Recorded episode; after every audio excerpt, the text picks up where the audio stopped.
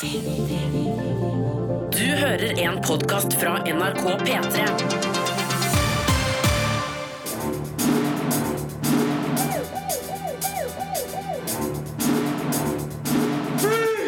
Filmpolitiet! What's your name, dude? Eh, Birger Vestmo. What kind of stupid name is that? Baby Driver får det til å rykke i gasspedalfoten. Valerian and the City of a Thousand Planets er et visuelt sirkus med svake hovedroller, og den andre siden av håpet er en tørrvittig fulltreffer fra Finland. Ja, Det er premierefilmene som anmeldes i dag. Du får òg høre fra Filmpolitiets Game of Thrones-event, der Kristoffer Hivju fortalte hvordan de beskytter seg mot lekkasjer fra settet. P3. Filmpolitiet anmelder film. So, what is it you do?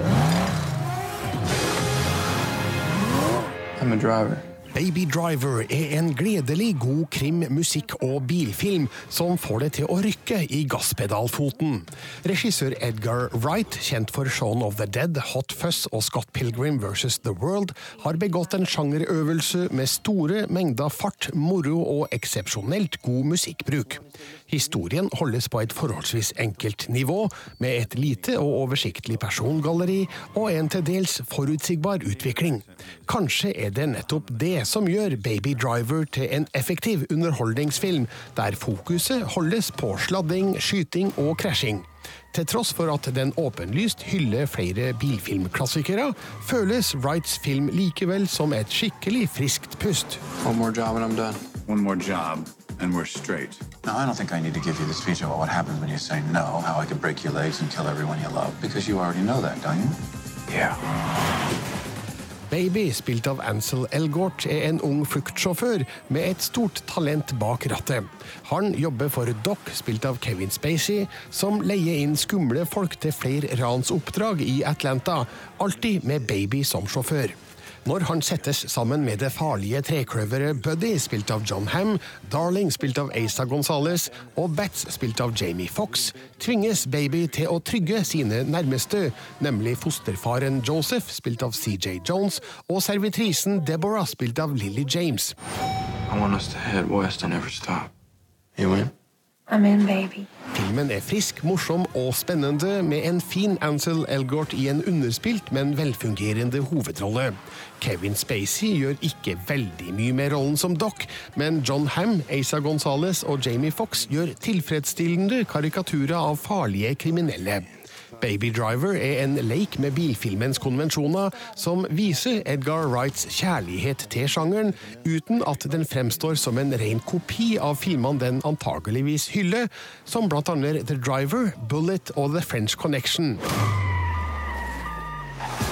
Baby Driver har mange flotte detaljer man kan glede seg over, som presise klipp, smarte overganger, skarp dialog, tøffe stunts og overlegen musikkbruk. Den er ikke ett sekund for lang, og byr på overbevisende underholdning gjennom hele spilletida.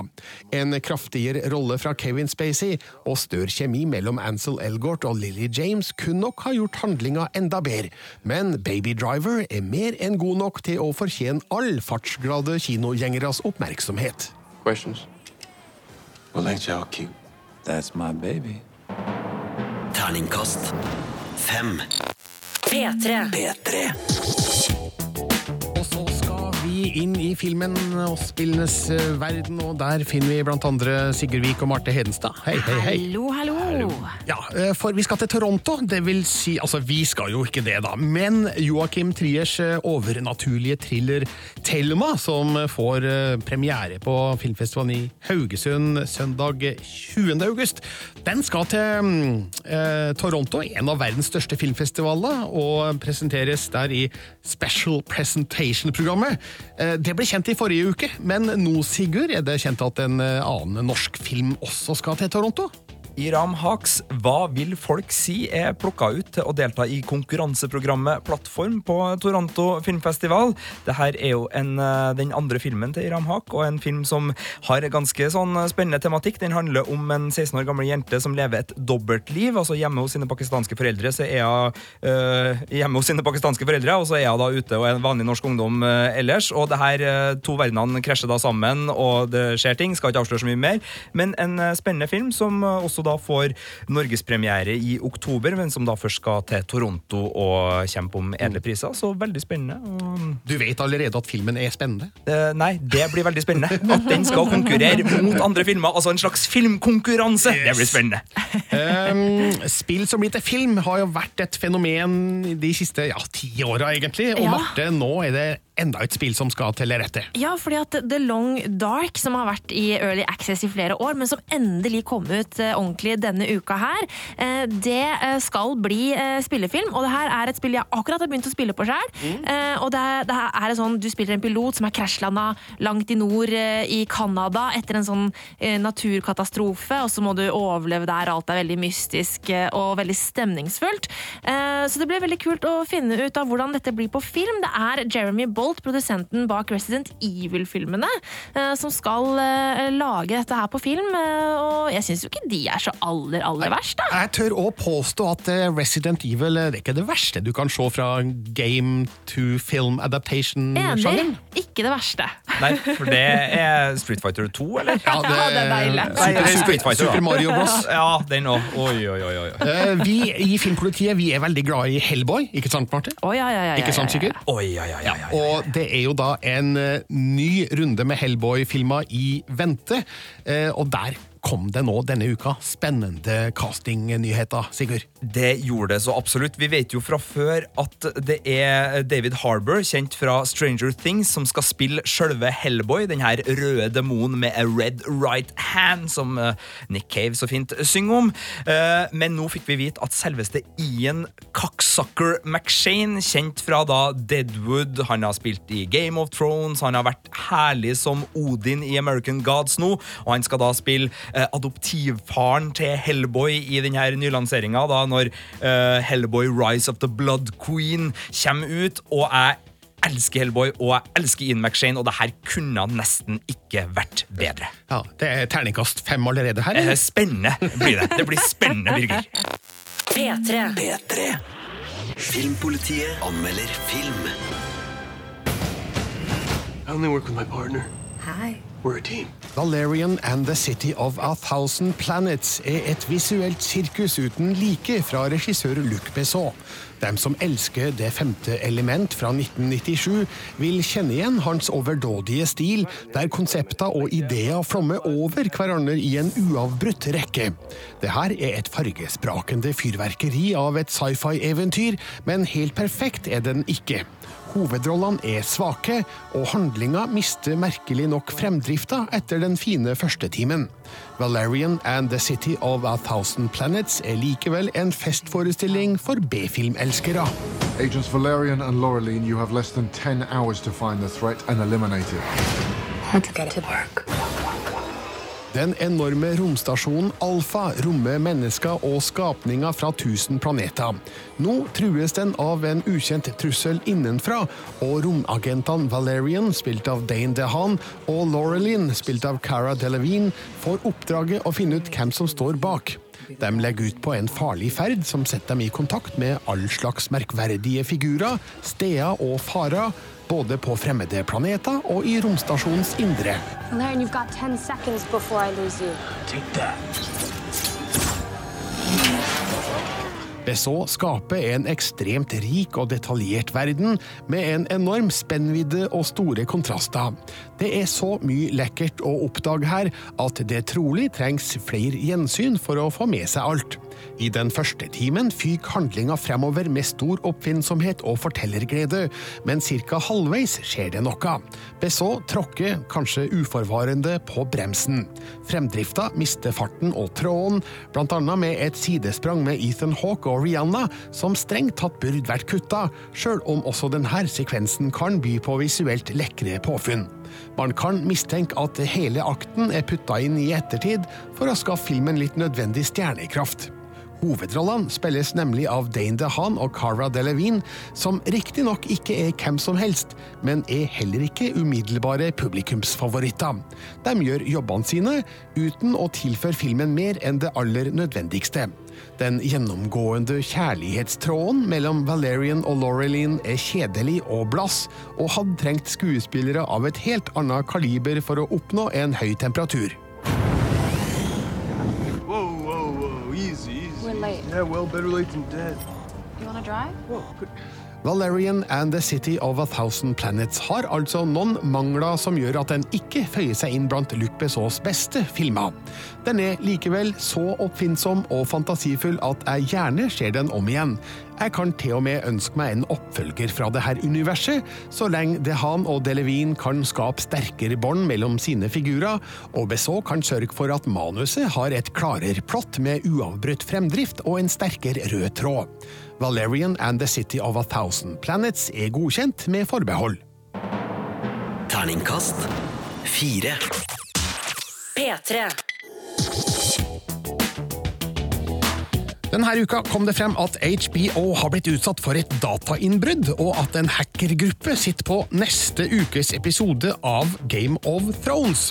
Denne produksjonen er stadig utsatt for lekkasjer fra sett, og Sigurd og Marte, da dere hadde Kristoffer Hivju som gjest i Game of Thrones-podden i forrige uke, så snakka han om nettopp det her. Ja, vi spurte jo da Hivju om hva straffa fra HBO er, hvis noen i produksjonen, type skuespillere eller regissører, røper noe fra innspillinga. Ja, og han kunne avsløre at HBO de viser bare virkelig ingen nåde.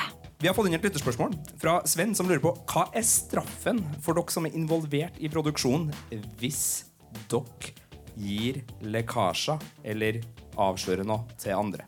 Da er det get the fuck out. Alvor? Det er, da Det skrives Tormod raskt ut av serien, eh, eller eventuelt blir erstatta? Det har skjedd. Det har skjedd? Oi, kan du fortelle hvordan det her foregikk?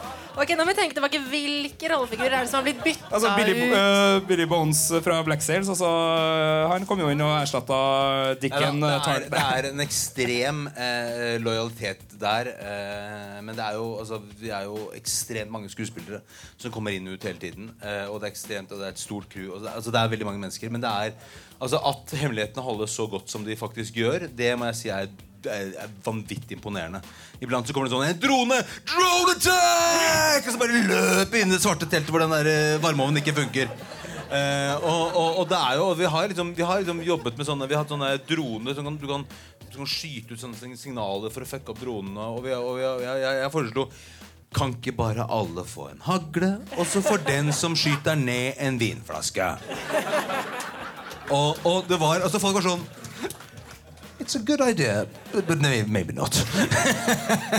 så, så, så det er jo Og det er mye paparazzi og sånn. Men, men, jeg måtte, men altså, jeg syns at uh, og, og man må være lojale der. Altså, alle må være flinke med det der. For å følge opp den, uh, altså, er det noe dere reflekterer over, eller merker dere lekkasjene på noe vis? Hvis det Nei, altså Nå har vi begynt å lage Altså Vi bruker en time på stage and fake scene for å, lage, for å få inflasjon i de tingene. Så, så, så at nå måtte vi prøvd å måtte komme et motsvar. Eh, sånn at eh, Men, men, men altså Ja, for dere spiller inn falske scener. Vi spiller jo ikke ingen gidder ikke å trykke på rec, men vi setter opp noen folk som ikke eier sammen, Som gjør noen greier, og så går ut igjen. Men, men, øh, og så kan de folk ta de bildene, og så fuck you, liksom. Så selv de tingene som er lekkasje fra et sett, er ikke nødvendigvis rett. Fake news? Fake, Fake news. Fake news, ja. Ja, det sa Kristoffer Hivju. En skikkelig smart måte å lure paparazzi-dronene på det der. Ja, jeg synes det, altså. Eh, Og hvis du som hører på har lyst til å høre hele den praten med Hivju, så ligger den selvfølgelig ute i Filmpolitiet-podkasten, så det er bare å sjekke det ut. En sånn herlig time med nerdeprat der. Og der ligger også vår Game of Thrones-podkast, vår Godtpod, hvor vi diskuterer hver eneste episode med masse spoilere. Det gjør vi selvfølgelig ikke på radio, så frykt ikke, men hvis du er gira på Game of Thrones, sjekk ut Godtpodden også. Filmpolitiet anmelder film. Good afternoon, sirs. I want to seek asylum in Finland. Seeking is no problem. You are not the first one. Den finske regissøren Aki Kaurismäki har antyda at den andre siden av håpet er hans siste film. Vi får virkelig håpe at det ikke stemmer, men om det er tilfellet, er det en nydelig svanesang. Det her er nemlig en hjertevarm film om en syrisk flyktnings møte med en eldre restauratør i Helsinkis bakgata. Kaurismäkis kjølige humor, lune atmosfære og det karakteristiske underspillet som preger det rike og besynderlige persongalleriet, gjør den andre siden av håpet til en fortreffelig tragikomedie med klare paralleller til virkelige problemstillinger. Mikäs mies sinä olet? I live here. This is my bedroom. No way. This is my garbage field. Filmen følger to historier. En om den syriske flyktningen Khaled, spilt av Sherwan Haji, som kommer til Helsinki som blindpassasjer på et lasteskip. Og en om Wikstrøm, spilt av Sakari Kuosmannen, som forlater kona, vinner stort i poker og kjøper den slitne restauranten Den gylne halvliter med tre rimelig umotiverte ansatte. På et tidspunkt krysses Khaled og Wikstrøms veier, og finnen bestemmer seg for å hjelpe syreren ved å gi han jobb i restauranten, samtidig som Khaled forsøker å finne søstera som forsvant på reisa gjennom Europa. راح اجيني يا اخي خير ليش؟ سنة فنلندا انا لا مقدم ولا مأخر den andre siden av håpet har mye til felles med Kaurismäkis forrige film, Le Havre, som òg handla om en lokal eldre herres møte med en ung flyktning i en havneby. Den foregikk altså i Frankrike, men nå er Kaurismäki på hjemmebane. Han skildrer det finske samfunnet som rolig og avmålt, tilsynelatende med en begrensa grad av imøtekommenhet. Figurene er enkle og ukompliserte, og føles mer som skisser enn fulle personligheter. Men sjøl om skuespillet er minimalistisk, greier Kaurismäki likevel å formidle en stor grad av varm menneskelighet gjennom hele historien. Ratsia. Ymmärrän. Toimikaa. Den andre siden av håpet er nydelig filma, med sterke farger i opplyste rom, kontrastert med mørke, nattlige gatebilder. Gjennom sitt spesielle formspråk greier Kaurismäki å si noe vesentlig om aktuelle problemstillinger i et tidløst miljø.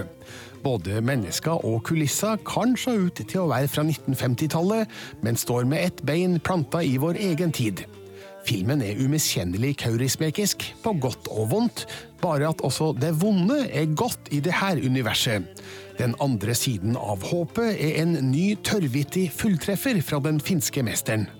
Haluatko kahvia? Mielelläni. Terningkast seks. P3. Filmpolitiet anmelder film. Med min overlegne intelligens og utrettelige oppofrelse har jeg avdekket en skrekkelig og dødelig fare. Ulv i fåreklær er et lettbeint og fornøyelig lite eventyr som spiller ut komplikasjonene som oppstår da en ulveflokk slår seg ned som nærmeste nabo til en landsby med sauer. Det er en enkel barnefilm som kjører på med popmusikk, nikker lettvint til ET, Star Wars og Twin Peaks, og låner noen klassiske rolletyper og motiver fra Disney. Ja, det må jeg si. Det å være ulv er topp. Bare tenk på det. Alle er redd for deg, og du kan gjøre akkurat som du vil. Det er akkurat sånn jeg har det. En streifende ulveflokk finner seg et nytt hjem i en steinrøys omgitt av frodig natur. Et ideelt hjem for gråtassene, men dårlig nytt for den lokale saueflokken. Eller det trenger egentlig ikke være så ille. Ulvene står nemlig foran valg av ny leder. Hvis den snille og sjarmerende Grå vinner, så vil han sørge for harmoni i nabolaget. Men hvis den slemme Varg vinner, så vil han spise sauene alle som én. Dessverre for Grå så treffer han ei spåkone som forvandler han til en vær. Og med klover i stedet for poter mister den unge lederspira både kjærligheten og flokken. Men han får nye venner i den lett engstelige ullgjengen. Men uansett hva som forandrer seg, kan du alltid stole på at vennene dine er der for deg. Med en dose Løvenes konge, en dose folkeeventyr og en liten overdose med funny sidekicks er det få overraskelser å finne i Ulv i fåreklær. Her er relasjonene enkle, vitsene spiller på de tydeligste stereotypier, og både konflikter og løsninger dukker litt for tilfeldigvis opp når de trengs. Blant birollene er det morsomt å følge en måke som tror han er sau, og den konspirasjonsglade bukken Platon som leter etter sammensvergelser. Utover det er det lite å le av blant dumme ulver, redde sauer og sleipe taskenspillere. Blir vi angrepet av fugleskremselgreier? Filmens styrke og bærebjelke er det lune forholdet mellom Grå, som får stemmen sin fra Gaute Skjegstad, og den veslevoksne og modige ungsauen Sky, som får stemmen sin fra Sara Fellmann. De to er sjarmerende figurer, det er lett å like, og de to er de eneste som makter å få fram sårheten i Grå sin nye outsider-rolle. Det er et samspill hvor også de norske stemmene kommer fint fram, og de gir nærvær og personlighet til et hjertevarmt vennskap. Ulv i fåreklær har verken utseende, rollefigurene eller originaliteten til å matche de aller beste animasjonsfilmene der ute, men for barnefamilier som elsker animert dyreslapstick og fårete glis, så er dette et aldeles trygt kinovalg i sommer. Terningkast tre. Du finner flere podkaster på p3.no podkast.